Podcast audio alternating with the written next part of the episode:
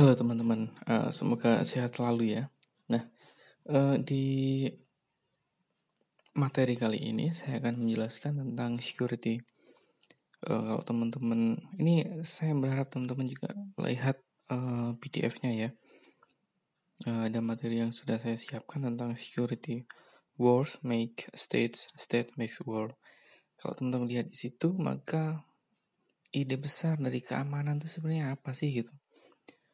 Kalau kita lihat tentang keamanan global, maka sebenarnya negara-negara yang tercipta hari ini itu juga gara-gara perang. Itu kenapa wars make states. Perang itu menciptakan negara-negara. Dan juga di sisi lain, negara-negara itu kali ada banyak negara-negara yang bukan negara mungkin sebutannya adalah kerajaan-kerajaan yang dulu berisi beberapa orang penguasa di situ terutama di banyak negara Eropa ya. Di Indonesia apakah ada? Um, kalau teman-teman lihat di situ maka hampir semua di situ orang-orang ingat uh, perkembangan uh, dunia uh, masab-masabnya itu merkantilisme liberalisme komunisme. Nah teman-teman lihat di situ maka pada saat merkantilisme dulu banyak negara-negara itu berperang dengan yang lain untuk merebutkan lahan karena pada saat itu kebanyakan adalah basis industrinya adalah pertanian. Dan mereka sangat membutuhkan yang namanya uh, lahan yang lebih luas dari yang lain. Itu kenapa mereka saling berperang untuk uh, memperebutkan. Kalau bukan memperebutkan negara apa daerah itu wilayah yang ada kerajaannya itu maka mereka menciptakan koloni-koloni. Indonesia menjadi koloni itu dan kita bisa merdeka gara-gara pada perang dunia ke kedua. Perang dunia pertama itu juga berhasil meruntuhkan um, kerajaan Prusia, kekaisaran uh, apa Osmania. Yang kedua meruntuhkan banyak dan membangun juga banyak negara negara-negara baru merdeka itu banyak sekali dan itu gara-gara perang. Nah, eh, akhirnya apa? Yang unik adalah perang itu dapat memecah belah, dapat membuat orang-orang itu kemudian menjadi eh, sadar akan identitas mungkin yang mereka bangun Indonesia misalnya kita punya banyak sekali identitas kemudian sama Soekarno kita menjadi negara bangsa hmm, dengan identitas tertentu. Malaysia dengan identitasnya sendiri. Dan itu yang yang muncul pada saat Perang Dunia Kedua. Sebelum-sebelumnya tentu saja. Setelah perang ada negara yang hilang, ada negara yang melebur, dan lain sebagainya. Kerajaan-kerajaan silih berganti hilang gara-gara perang juga. E, di sisi lain juga negara itu menciptakan perang Nah, itu saya kira juga menjadi uh, asal muasal tentang doktrin uh, security, keamanan. Uh, security itu sama dengan dengan uh, safe states atau ya sebutannya dengan from teroris. Jadi pada saat kita bicara tentang keamanan, pertahanan, maka kita akan lihat bahwa kita berusaha kita terancam oleh siapa sih gitu mungkin dari negara lain, mungkin dari teroris mungkin, banyak sekali. Dan itu yang akhirnya membuat militer itu didanai dengan cukup banyak. Tapi sebanyak-banyaknya didanai oleh militer itu didanai oleh negara atau masyarakat, tapi kenapa kita tidak pernah benar-benar merasa aman? Itu yang kemudian menarik. Anggaran pertahanan di hampir setiap negara itu selalu berada pada porsi 20 sampai 30 persen dari uh, eh, APBN. Kalau teman-teman lihat di Amerika, mereka mendanai hampir semua proyek internasional mereka jauh lebih besar daripada bantuan sosial misalnya atau bantuan kesehatan misalnya. Karena mereka bahkan dengan dana sebesar itu, dengan kapal induk yang cukup banyak, mereka tidak benar-benar merasa aman. Dan akhirnya apa? E, tapi di sisi lain memang e, hari ini keamanan itu cukup merentang luas, mulai dari isu-isu terorisme. Uh, kalau teman-teman ingat 9/11, yang saya jelaskan tentang bagaimana ada benturan peradaban yang membuat pasca komunis dan kaum liberalis itu selesai bertikai, maka yang ada kemudian adalah bagaimana uh, budaya itu kemudian menjadi selisih paham masing-masing negara. Selain itu, kita juga punya uh, apa cyber crimes ya atau online online crimes ini yang kemudian menjadi masalah juga ada Edward Snowden yang terus bersembunyi karena dia uh, dianggap oleh uh, Amerika membocorkan data atau misalnya uh, pencurian uang itu banyak sekali global security system itu juga berbasis hari ini itu tentang keamanan uh, atau ketahanan pangan, uh, food security. Uh, ya walaupun ada uh, di organisasi internasional ada FAO, tapi saya kira masalah keamanan ini sangat timpang di banyak negara. Negara-negara yang sudah memiliki teknologi bagus, mereka tidak memiliki tidak mereka tidak membutuhkan lahan yang cukup besar, tapi mereka bisa mendapatkan hasil yang maksimal. Um, Global security system yang berikutnya adalah environment. Nah, saya kira ini besar sekali, terutama karena ada climate change, kemudian krisis energi besar sekali. Kemudian yang health, ya saya kira ini. Nah, healthnya hari ini kita tahu ada COVID, kemudian bahasan kemarin kita adalah bantuan kemanusiaan. Bagaimana kalau negara kalau negara-negara maju saja kelimpungan, hari ini Amerika sudah mencapai 500 ribu yang terpapar virus di Indonesia sudah sampai 3 ribuan sekian. Maka yang berikutnya adalah bagaimana negara-negara miskin bisa survive. Kalau misalnya mereka terkena dampak yang sama uh, akan COVID ini. Apakah akan ada banyak penderitaan yang sangat masif karena hampir semua alat-alat itu didominasi oleh negara-negara maju. Ini penting. Kemudian global security system itu ada juga tentang gender dan human uh, human rights, uh, apakah negara-negara uh, itu juga melindungi manusianya berbasis dengan gender dan hak-hak hidup misalnya. Kalau teman-teman lihat di Myanmar itu ada pengusiran uh, Burma apa di Myanmar ada pengusiran orang-orang Rohingya. Kemudian saya kira di Indonesia sampai hari ini ada sekitar 17 ribu orang pengungsi yang ada di Indonesia dan menunggu suaka. Mereka bekerja seadanya pada saat ada kasus COVID seperti ini gimana hidupnya? Mereka tidak bisa mengakses layanan kesehatan, tapi mereka tidak bisa masuk ke Australia, mereka terombang-ambing menjadi orang yang non-state, apa orang tanpa warga negara. Um, dan yang lain-lain. Uh, saya kira global security system itu cukup kompleks sekarang. Bahkan ada banyak teori konspirasi tentang itu. Um, sebenarnya saya mau, mau sangat menekankan ini pada keamanan yang di bidang uh, fisik ya. Apa, um, uh, saya ingin mengutip yang paling terkenal ya. Uh, Hannah Arendt itu menulis bahwa alasan peperangan masih bers masih bersama kita bukanlah karena keinginan matinya spesies kita atau naluri melakukan agresi, tapi fakta sederhana bahwa belum ada posisi wasit dalam urusan internasional, belum muncul di panggung politik. Ini yang menjadi penting. Kita itu berperang terus, berperang terus.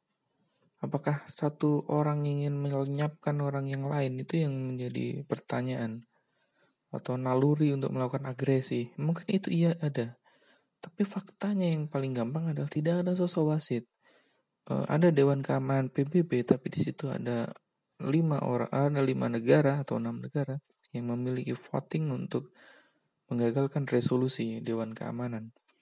Ada PBB pun dan semua orang akan patuh karena hampir semua negara di situ menyumbang dengan sangat tidak proporsional terhadap keber, keberlanjutan PBB.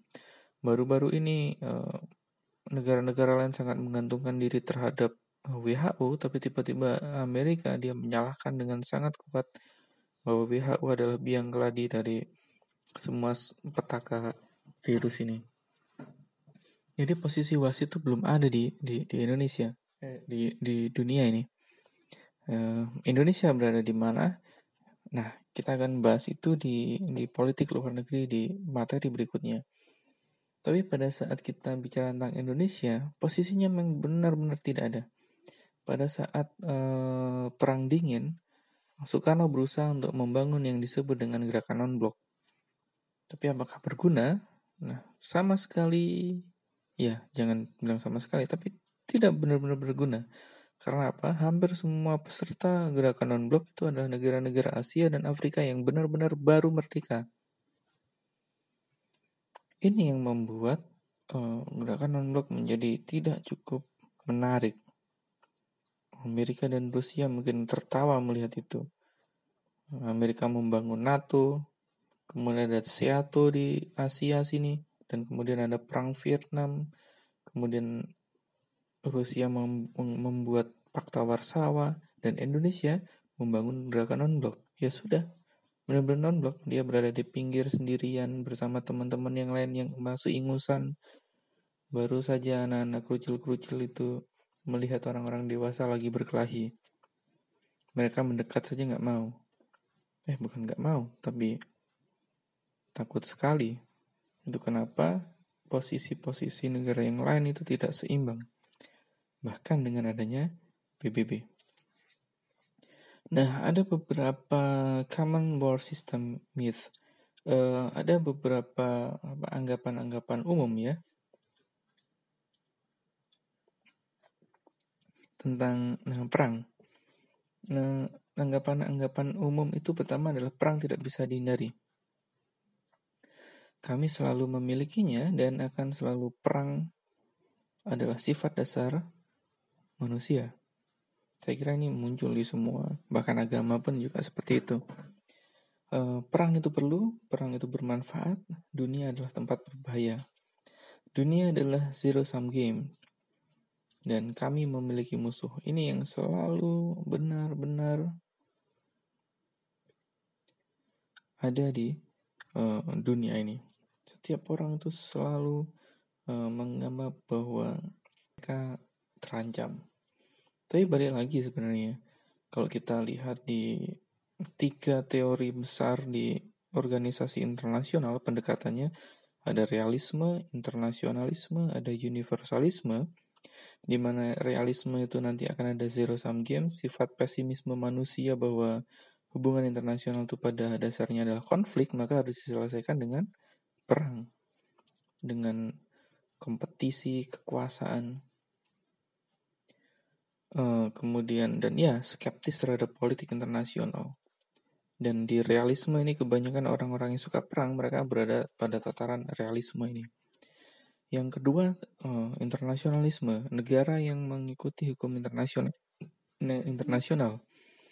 Bahkan dalam titik terendah dalam perang, organisasi internasional itu bisa mengatur kesepakatan-kesepakatan perang atau misalnya pendekatan yang terakhir atau universalism menganggap negara itu semakin tidak relevan uh, menghadapi masyarakat apa global jadi kita nggak perlu yang disebut dengan negara bahwa negara itu harus direduksi sekali fungsinya bahwa ada tataran global yang diwadahi oleh organisasi-organisasi internasional tapi saya kira kasus-kasus belakangan ini terutama wabah apa COVID-19 outbreak ini ini yang membuat kita berpikir bahwa ya memang organisasi internasional sangat dibutuhkan, ada usaha multilateralisme di masing-masing negara.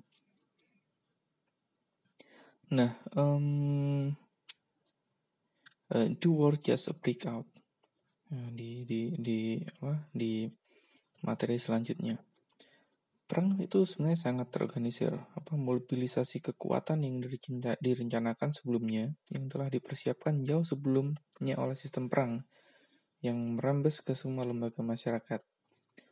Eh, sistem perang tidak berfungsi dan tidak membawa kedamaian apa yang dihasilkan adalah rasa tidak aman bersama, namun kita melanjutkannya.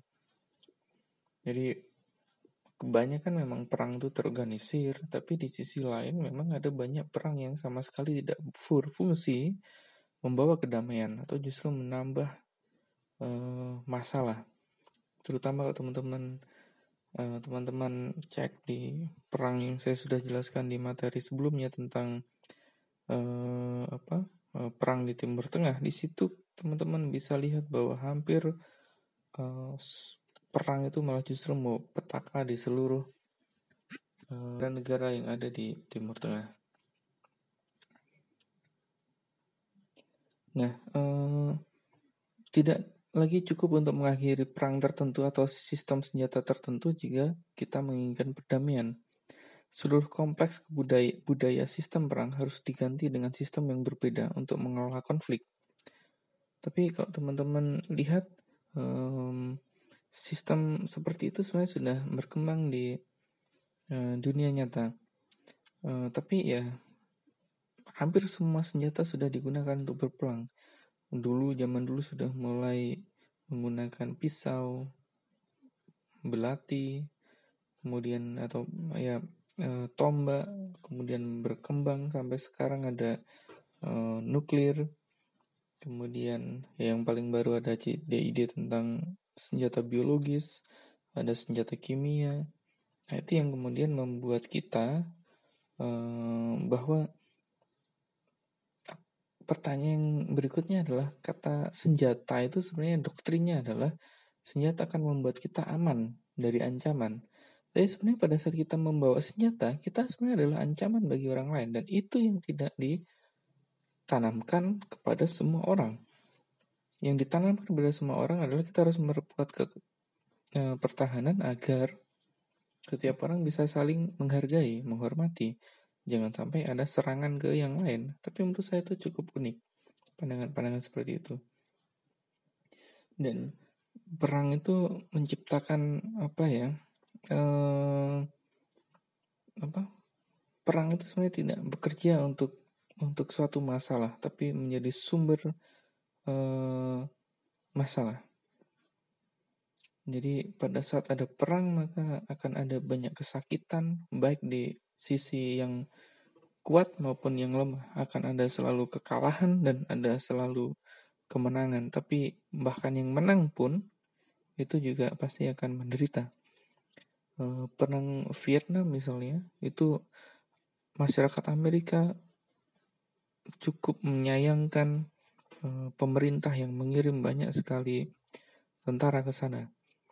Bahkan kalau misalnya teman-teman lihat di perang modern hari ini banyak sekali eh, tentara-tentara dari PBB ataupun misalnya seperti Amerika yang yang mengirim tentaranya untuk pergi ke sana, banyak sekali masyarakat di negara-negara asal mereka tidak tidak setuju sebenarnya untuk me, uh, kenapa kita harus berperang ke sana. Tapi di sisi lain ada unsur geopolitik seperti yang saya sudah jelaskan sebelumnya.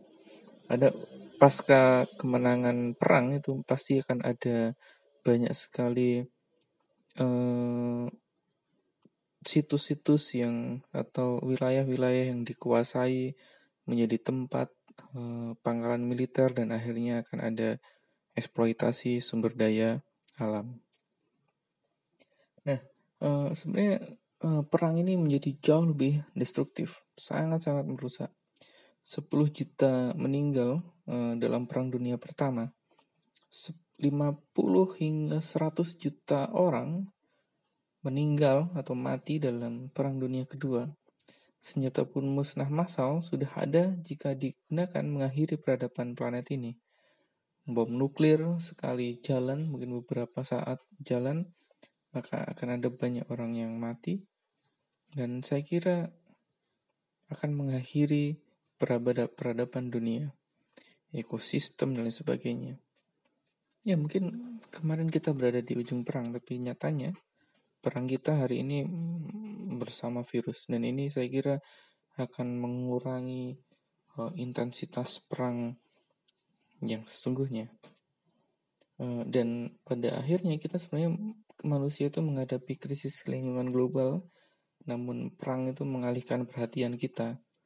Pada saat kita fokus terhadap industri, perang antar negara, perebutan kekuasaan, perebutan pengaruh, dan di sisi lain sebenarnya mereka sedang melepaskan bertonton bahan kimia beracun. Sumber daya yang berada di sekitar lokasi pangkalan militer itu juga terserap habis. Dan itu yang sebenarnya membuat dan saya kira ini menciptakan uh, ekses-ekses atau eksternalitas yang cukup, yang bukan cukup, yang buruk sekali terhadap apa yang ada hari ini. Kasus misalnya kenapa di Wuhan atau SARS itu bisa ada. Karena kegagalan kita mendeteksi hal-hal seperti itu. Terlalu disibukkan oleh industri dan juga di, di, disibukkan oleh perebutan kekuasaan tadi. Dan akhirnya lepaslah uh, beberapa virus yang hari ini menginfeksi uh, saya kira hampir satu juta jiwa di seluruh dunia.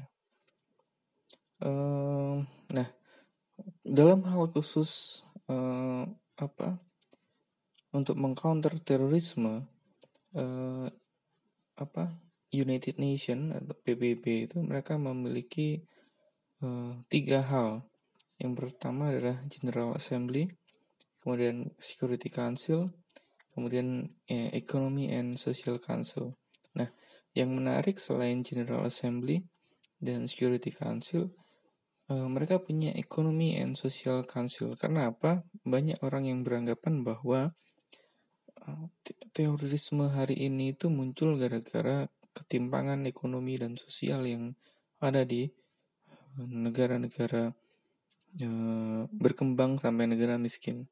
Sudan misalnya itu juga menjadi apa negara penghasil bukan penghasil ya apa banyak orang yang berasal dari sana kemudian memiliki e, pendekatan yang cukup radikal. Saya kira di banyak negara juga sama seperti itu. Um, oh ya, pertanyaannya apakah di negara yang maju itu berarti tidak ada Terorisme? Ya mungkin saja ada, tapi hampir semua itu dikembangkan di negara-negara yang ekonomi menengah ke bawah. Ya, kita bisa berdebat itu, tapi uh, United Nation mereka menganggap bahwa ada uh, ekonomi and social council agar orang-orang itu mungkin disibukkan dengan apa kegiatan-kegiatan ekonomi daripada kemudian menjadi orang yang konservatif atau bahkan menjadi orang yang radikal tadi. Nah, eh, yang berikutnya adalah eh, piagam eh, PBB, kemudian menjadi Dewan Keamanan PBB. Tugasnya adalah menginvestigasi situasi apa pun yang mengancam perdamaian dunia. Yang kedua, merekomendasikan prosedur penyelesaian sengketa secara damai. Yang ketiga, meminta seluruh negara anggota PBB untuk memutuskan hubungan ekonomi, serta laut, udara, pos, komunikasi radio, atau hubungan diplomatik. Yang keempat, melaksanakan keputusan Dewan Keamanan secara militer atau dengan cara-cara yang lain. Nah, jadi pada saat teman-teman uh, lihat uh, fungsi dari Dewan Keamanan PBB itu kenapa seperti Iran karena mereka tetap uh, berusaha untuk mengembangkan senjata nuklir, maka bukan hanya PBB ya, terutama Amerika, mereka berusaha untuk memberikan sanksi ekonomi, embargo minyak misalnya, itu yang paling utama. Sekali minyak di embargo, maka dana keuangan di masing-masing negara penghasil minyak itu pasti akan jauh berkurang. Karena kebanyakan penghasil minyak, sekali lagi, mereka tidak memiliki pendapatan selain minyak. Um, nah, di Dewan Keamanan PBB ini ada beberapa komite ya. Teman-teman nanti bisa baca sendiri di uh, materi yang saya kirim. Uh, yang pertama adalah Komite Kontraterorisme dan Non Proliferasi. Nah, Komite Kontraterorisme didirikan berdasarkan resolusi Dewan Keamanan yang diadopsi dengan suara bulat pada pada tahun 2001 setelah terjadinya serangan teroris. Jadi um, ya sebelumnya ada sih serangan-serangan teroris tapi 9/11 itu menjadi tonggak awal bagaimana uh, Amerika itu menginvasi negara-negara yang lain uh, dengan dalam tanda kutip ya dengan sah. Uh, kemudian non proliferasi itu juga ada karena uh, belakangan itu ada beberapa masalah negara-negara selain negara adidaya itu juga mengembangkan senjata nuklir, kimia, dan biologi. Jadi otomatis mereka tidak ingin ada ancaman lain. Nah ini yang yang perlu. Uh, kalau misalnya Amerika bertindak sendiri apa bisa? Nah itu itu kenapa mereka membutuhkan organisasi internasional agar mereka bisa jauh lebih aman dari tuduhan uh, mereka memiliki Eh, tujuan-tujuan lain selain keamanan untuk menginvasi negara tersebut. Di Iran misalnya, dengan kekayaan minyak yang cukup besar di Iran, itu sangat menarik sekali bagi Amerika. Tapi mereka tidak pernah bisa masuk ke Iran dalam sepanjang sejarah. Walaupun mereka dulu dekat sekali dengan Iran. Uh, itu yang membuat Amerika menggunakan Dewan Keamanan agar ada seakan-akan bahwa keinginan uh, untuk memonitoring perkembangan nuklir di Iran itu hasil konsensus dari Dewan Keamanan PBB atau bahkan dari eh, PBB sendiri. Jadi uh, konsensus yang yang dibuat itu sebenarnya adalah tujuan dari Amerika agar mereka mudah untuk masuk ke suatu negara. Nah, yang kedua ada Komite Staf Militer. Komite Staf Militer ini ada, adalah Dewan Keamanan PBB, badan pendukung yang peranannya untuk merencanakan operasi militer dan membantu pengaturan persenjataan. Tujuan ini dimasukkan untuk memberikan staf komando untuk satu angkatan e, kontingen dan kontingen ini disediakan oleh anggota tetap Dewan Keamanan. Ada China, Prancis, Rusia, Inggris, Amerika yang disiapkan untuk penggunaan kebijaksanaan atas kebijaksanaan PBB. Kemudian komite sanksi yang berdasarkan resolusi Dewan Keamanan untuk memiliki uh, sanksi terhadap keputusannya. Tugas komite sanksi adalah untuk memantau pelaksanaan resolusi Dewan Keamanan PBB tertentu. Nah, kasus di Libya misalnya. Ya walaupun di sisi lain nanti PBB itu akan memberikan. Nah, pada saat uh, ada operasi militer dan akhirnya uh, dapat dikontrol oleh PBB, tidak serta merta kemudian PBB akan menghandle seluruh uh, kepentingan politik yang ada di negara tersebut. Uh, kasus di Libya, kemudian di Irak, uh, Afghanistan, PBB menyerahkan kepada kelompok-kelompok yang bertikai.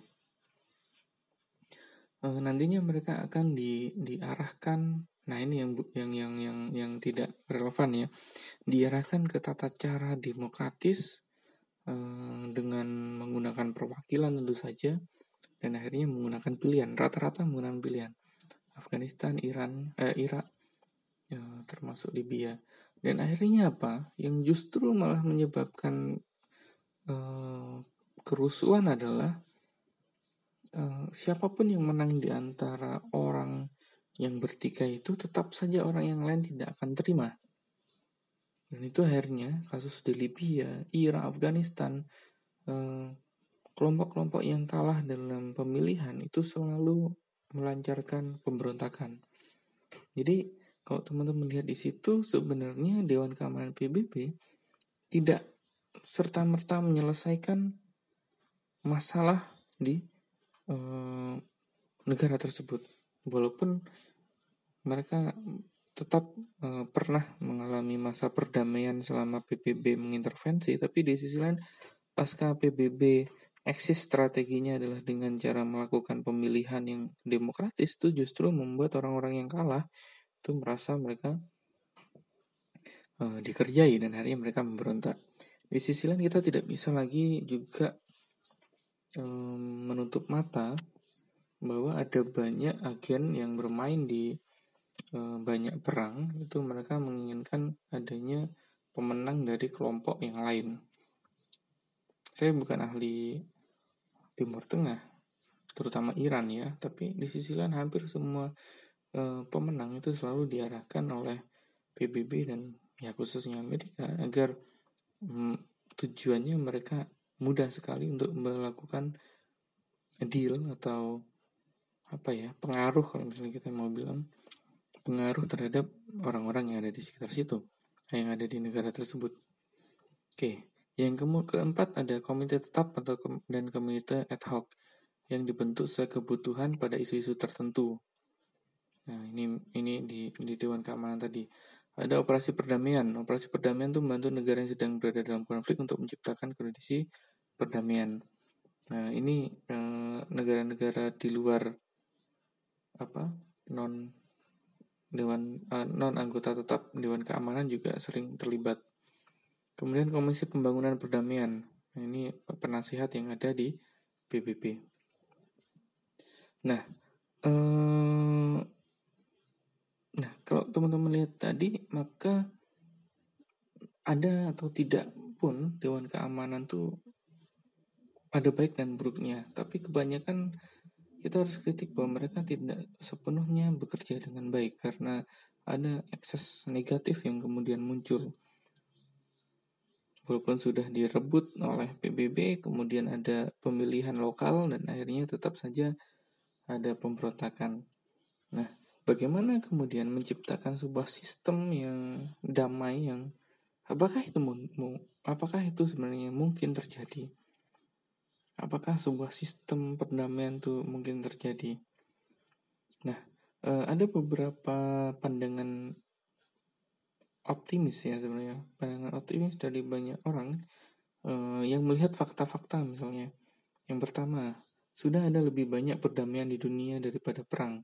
Saya kira ini juga perlu kita apresiasi. Sepanjang perjalanan umat manusia barangkali perdamaiannya jauh lebih banyak daripada perang. Kedua kita hidup di dunia yang berubah pesat. Sekarang informasi sudah cukup banyak. Negara-negara yang kemudian uh, apa ya yang menyerang yang lain tuh kemudian uh, didiskreditkan di pergaulan internasional. Kemudian yang ketiga ada belas kasih dan kerjasama adalah bagian dari kondisi manusia.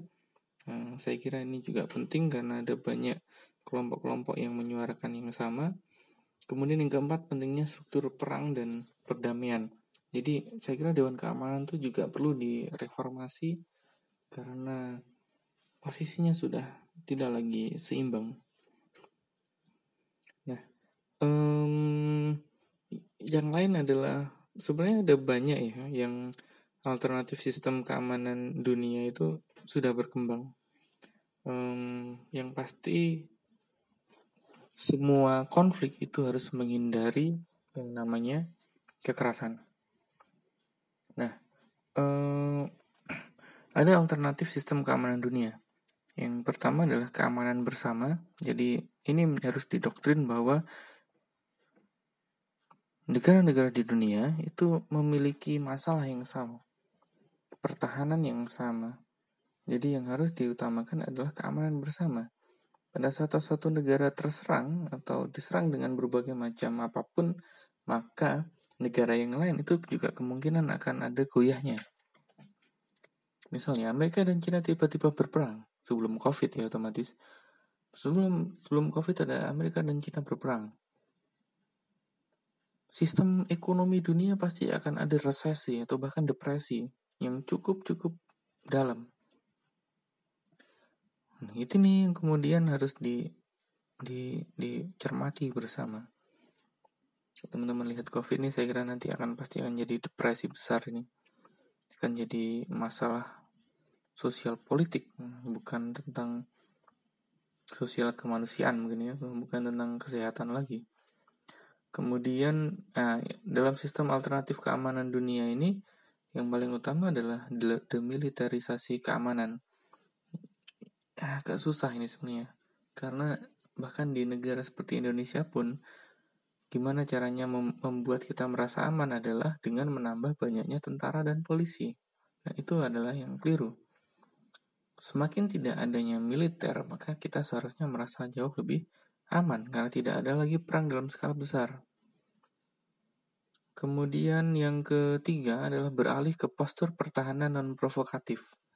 Non provokatif ini sebutannya adalah tidak memper, memper banyak perta apa me, uh, alusista yang provokatif, nuklir misalnya, pengembangan senjata kimia, biologis misalnya. Nah, kalau bisa ya misalnya uh, postur pertahanannya itu uh, apa diganti ke yang lain, tank misalnya.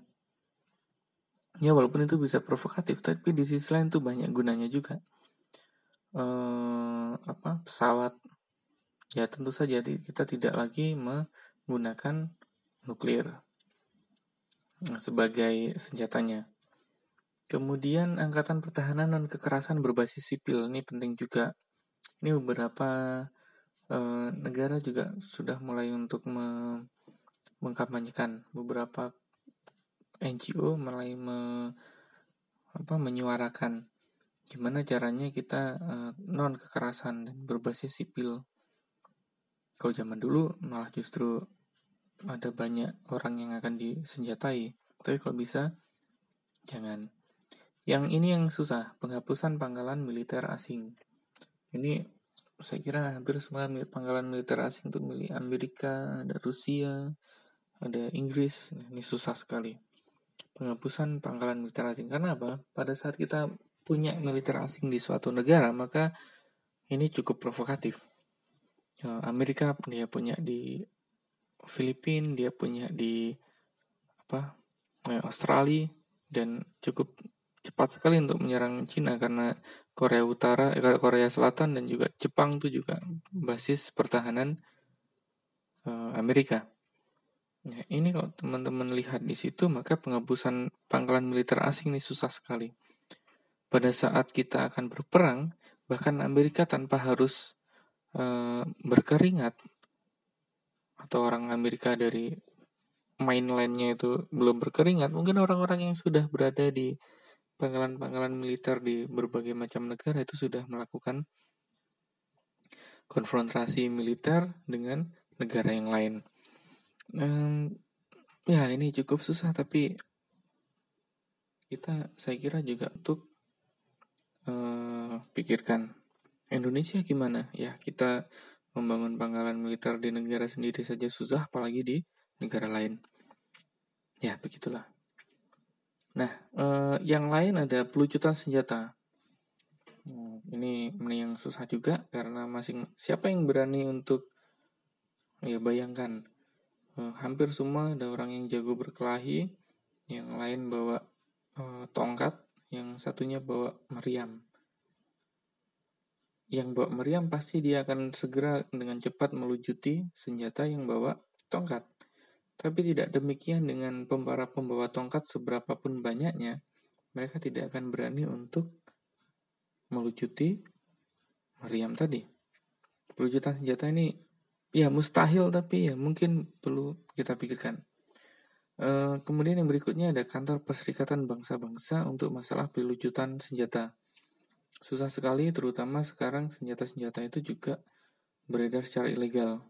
Gimana caranya kita bisa uh, meyakinkan?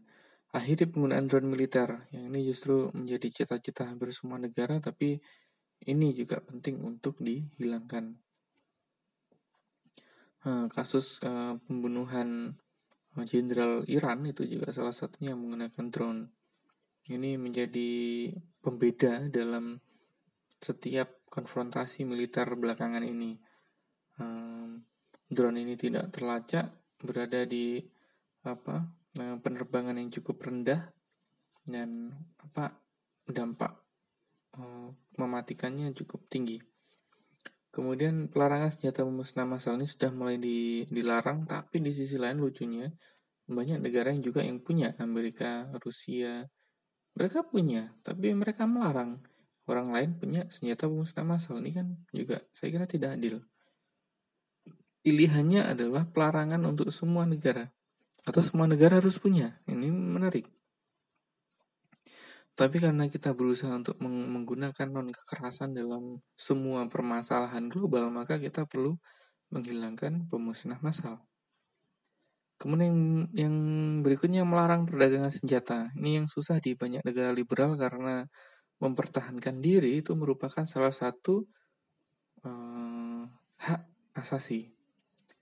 Uh, di Amerika ini cukup berat sekali uh, untuk dihilangkan karena banyak sekali orang-orang konservatif yang masih menganggap bahwa kita itu kan negara liberal dan memegang senjata api itu adalah liberal, adalah kebebasan.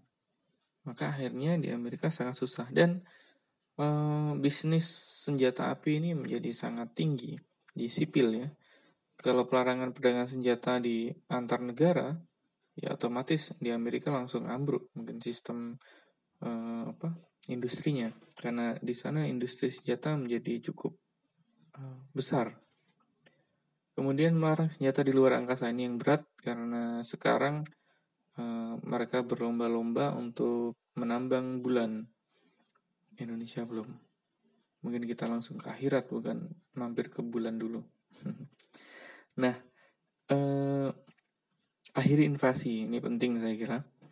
Hmm, dari semuanya barangkali ini cukup penting karena uh, invasi ini yang membuat orang menjadi dendam, menjadi marah gara-gara cerita masa lalu. Dan ini tidak akan ada habisnya. Uh, konversi ekonomi ini juga penting. Uh, kita berbasis raw material yang sangat berat tidak ada sumber-sumber yang ya tapi di sisi lain kita menghadapi populasi yang besar nih yang susah juga. Berarti kita menutup manufaktur yang memperburuk tekstil industri tekstil uh, raw material apa industri ekstraktif seperti tambang maka kita akan menghadapi uh, bencana besar.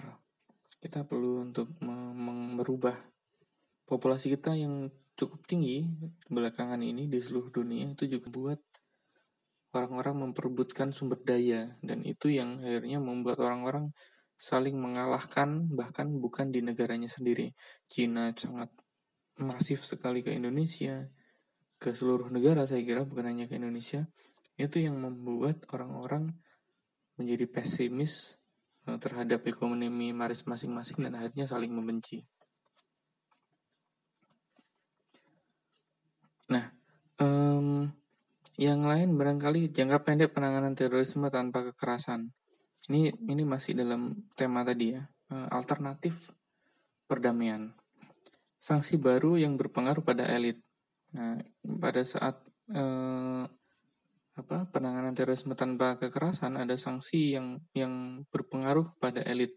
Selama ini kebanyakan uh, kekerasan itu berada di tataran paling bawah Kemudian ada mediasi, negosiasi, dan adjudikasi. Ini saya kira penting, perlu ada semacam pemahaman lintas uh, ideologi yang berada di, di di tataran tertentu yang menjadi pengingat oleh semua orang yang ber uh, apa semua orang yang bertikai. Ada penegakan hukum internasional nih yang juga berat, tapi saya kira masih Eh, memungkinkan. Kemudian yang berikutnya ada penahanan tanpa kekerasan dalam bentuk apa pun. Dan ini yang juga susah karena kesulitan eh, orang-orang eh, dengan kekerasan, orang-orang yang melakukan kekerasan dengan latar belakang ideologi itu paling susah sekali untuk uh, apa uh, dilakukannya apa pendalaman maksudnya wawancaranya, kemudian apa investigasinya itu sangat susah sekali kalau tanpa kekerasan. Tapi ya ini ada beberapa alternatif yang dianjurkan di uh, apa politik luar negeri. Kemudian ter terdapat wadah untuk semua bentuk kekerasan. Jadi uh, apa kalau bisa dilokalisir uh, kekerasan-kekerasan itu. Kemudian di jangka panjang, gimana caranya kita untuk menyelesaikan uh, apa uh, perang, uh, pemberhentian semua perdagangan dan pembuatan senjata jangka panjang. Apakah ada setuju? Apakah semua negara setuju? Ini sulit sekali. Tapi jangka panjang di politik luar negeri khusus untuk perang ini harus dilakukan. Kemudian yang kedua, pengurangan konsumsi negara kaya. Ini yang penting juga karena semakin besar konsumsi mereka akan membutuhkan banyak sekali sumber daya dan akhirnya itu membuat mereka menginvasi negara lain. Yang ketiga, bantuan besar untuk negara miskin dan populasi besar. Sudah miskin, anaknya banyak lagi. Ini yang susah sekali. Miskin hanya sedikit mungkin masih bisa untuk merubah keadaan, tapi miskin anak banyak susah sekali. Kalau bisa ada bantuan besar untuk eh, kelompok-kelompok seperti itu. Keempat, pengiriman pengungsi. Kalau bisa jauh lebih terdistribusi. Uh, ini yang penting. Kemudian yang lima, hutang bantuan pada yang miskin. Ini sudah jalan, saya kira. Ada pendidikan anti terorisme, pelatihan anti kekerasan, kemudian promosi wisata budaya dan ekonomi. Saya kira penting sekali. Kemudian pembangunan ekonomi yang berkelanjutan dan penggunaan energi yang merata. Kalau ini tidak jalan, ini susah sekali. Karena kita hampir semua eksploitasi, merusak hampir semua uh, apa ya sumber daya alam yang ada yang memungkinkan dieksploitasi ya dieksploitasi. Kemudian membongkar aliansi militer.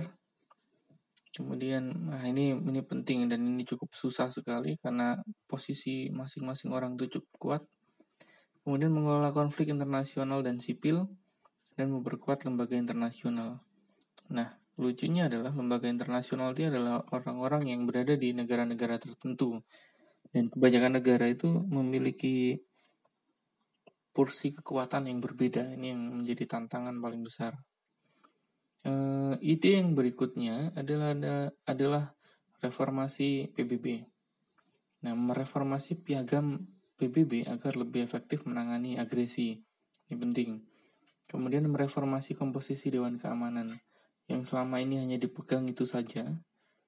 Dan ya perlu bagaimana agar posisinya jauh lebih um, seimbang walaupun kita tidak juga tidak bisa misalnya oh sekarang yang menjadi Dewan Keamanan PBB itu gantian gimana posisi negara-negara yang jauh lebih kuat dari yang lain ini ini yang menjadi perlu kita pikirkan Kemudian merevisi atau menghilangkan veto.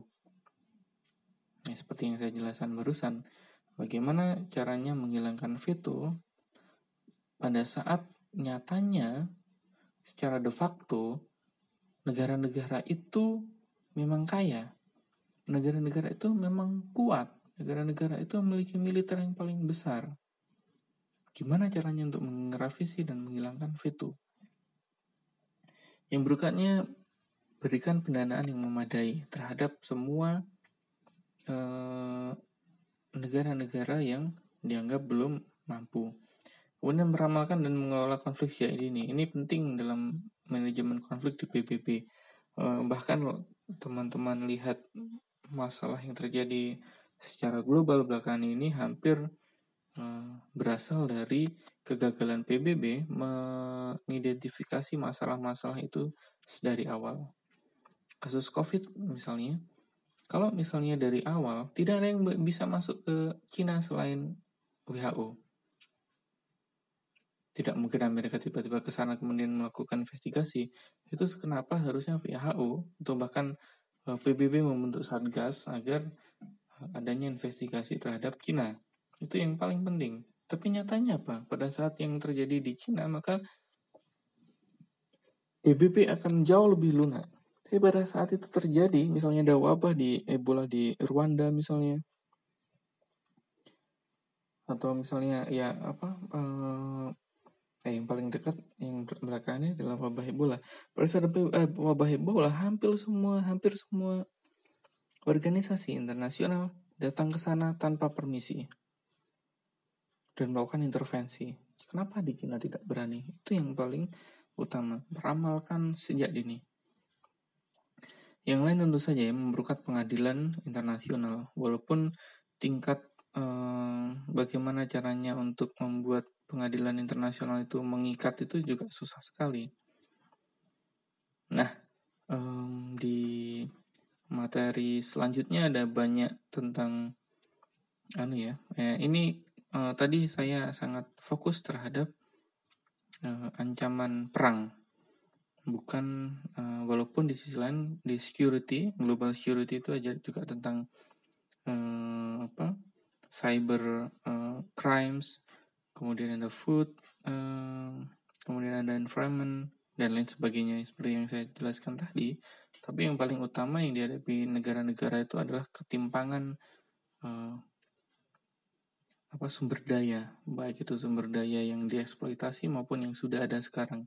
Sumber daya untuk melakukan apa ekspansi militer, eh, kemudian ada beberapa negara yang melakukan invasi ke negara lain. Nah, itu ketimpangan-ketimpangan itulah yang terjadi.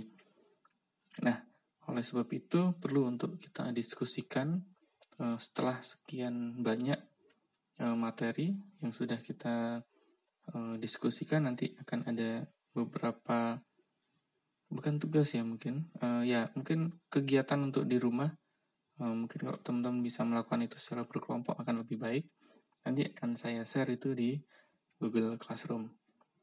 Mungkin itu itu itu dulu dan teman-teman boleh untuk ya, memberikan komentar memberikan pertanyaan terhadap materi yang sudah saya berikan. Kalau gitu selamat pagi, siang, sore, dan malam, entah kapan pun kalian mendengarkan uh, podcast ini. Oke, okay, uh, Wassalamualaikum warahmatullahi wabarakatuh. Sehat selalu ya.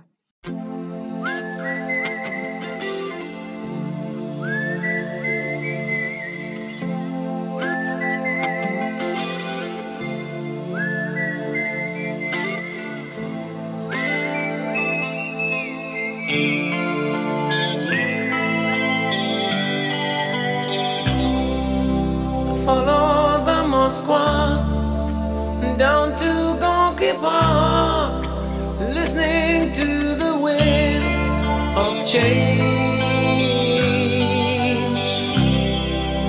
An August summer night, soldiers passing by, listening to the wind of change.